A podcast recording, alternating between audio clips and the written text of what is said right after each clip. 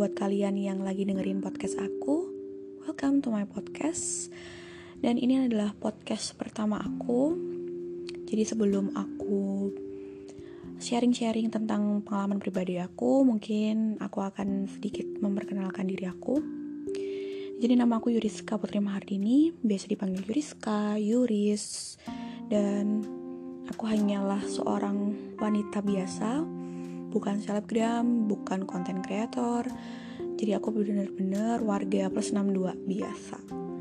Dan kenapa aku mulai buat podcast? Karena aku ingin berbagi cerita, sharing-sharing ke kalian tentang pengalaman hidup aku, tentang ya semua masalah aku yang mungkin bisa jadi bukan inspirasi ya, bisa sharing-sharing lah kita berbagi pengalaman yang mungkin bisa sama aneh dengan kalian yang dengerin podcast aku.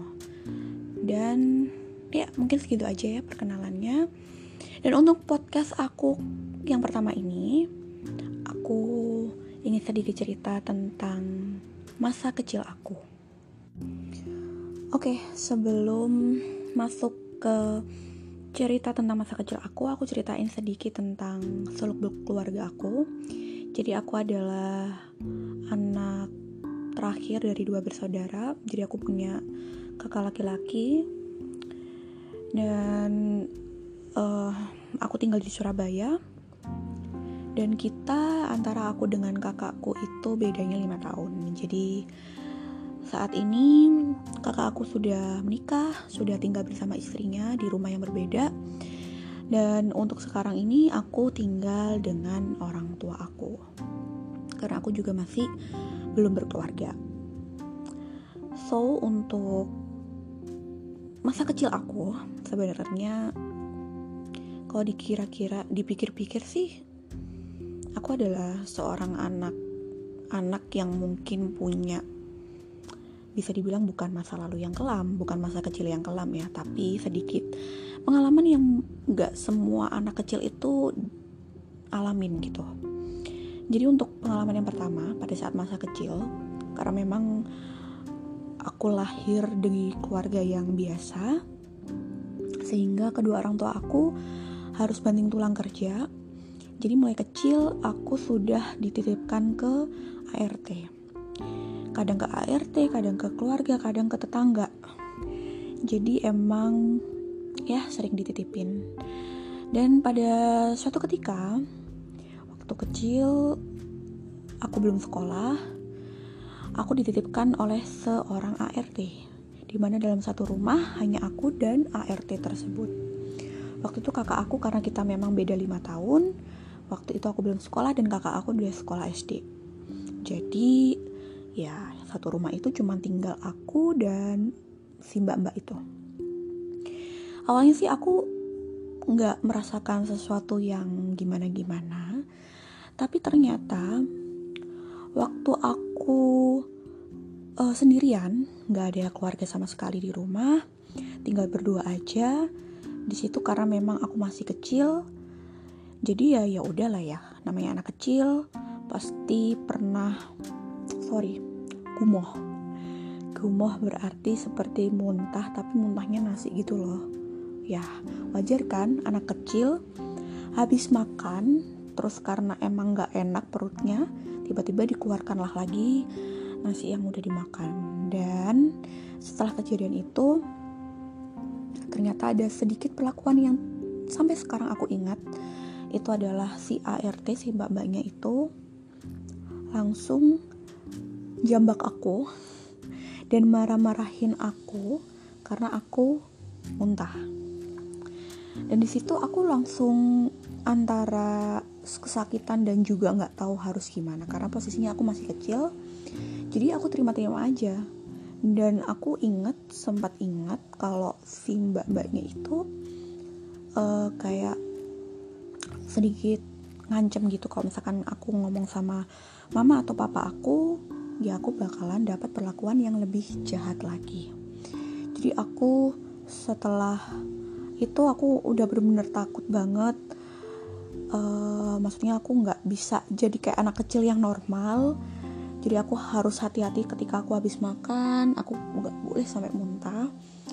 Terus habis itu aku dimandiin pun juga kayak ditakut-takutin dulu gitu loh. Jadi yang lampu kamar mandinya dimatiin terus dia sok-sok ketawa nakutin gitu. Terus aku kan dimandiin ya tapi cara mandiinnya dia tuh kayak kasar banget. Jadi sorry banget sampai ada sedikit luka di uh, ketiak aku karena dia terlalu kasar untuk mandiin aku.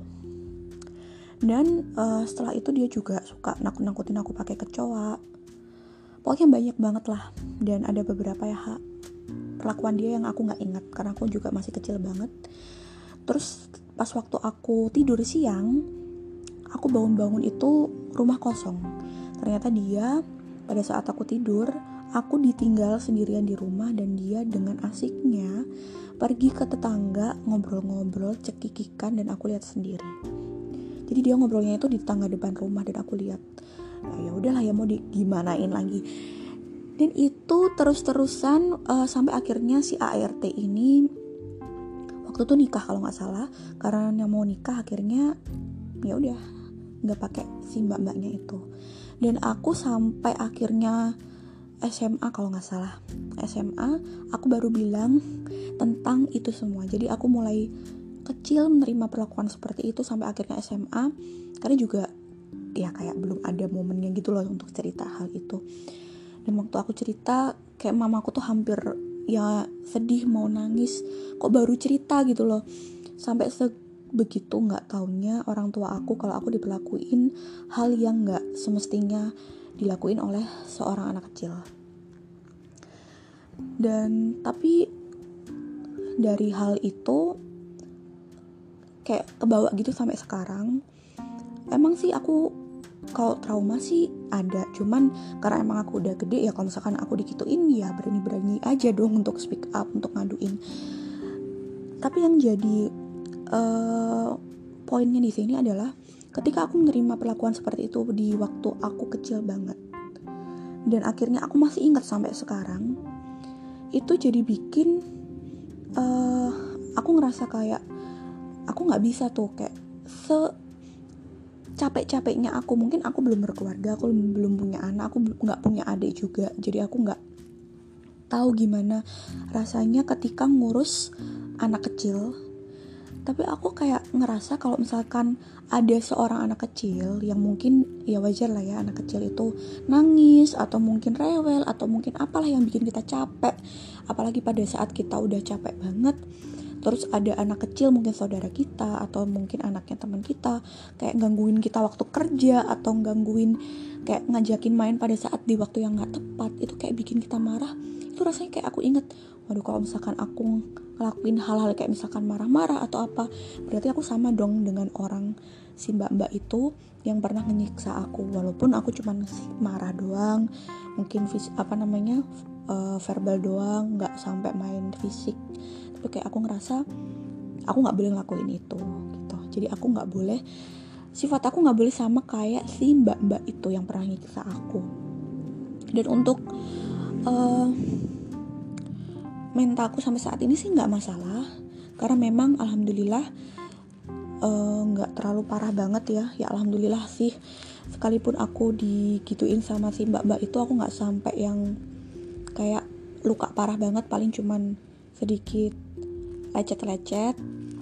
Terus juga ya bayangin ya itu masih kecil dan aku masih ingat karena sebegitu membekasnya di pikiran aku. Tapi ya ya terus ya. Dan untuk antisipasi juga kalau misalkan nanti aku sudah berkeluarga dan udah punya anak aku harus sedikit selektif dalam menitipkan anakku. Karena memang pada saat aku kecil aku sering kali dititipin ke tetangga ke saudara ke ART dan yang untuk ke saudara dan ke ART sih eh sorry ke saudara dan ke tetangga nggak ada masalah sih.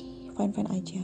Malahan mereka baik ya uh, ngasih makan terus habis itu pokoknya bebasin lah mau tidur juga sekalian nggak masalah. Tapi kalau si ART ya cuma satu ART itu aja yang uh, kayak bikin uh, gimana ya yang seharusnya aku nggak nggak terima pada saat itu aku bisa terima aku bisa rasain gitu loh.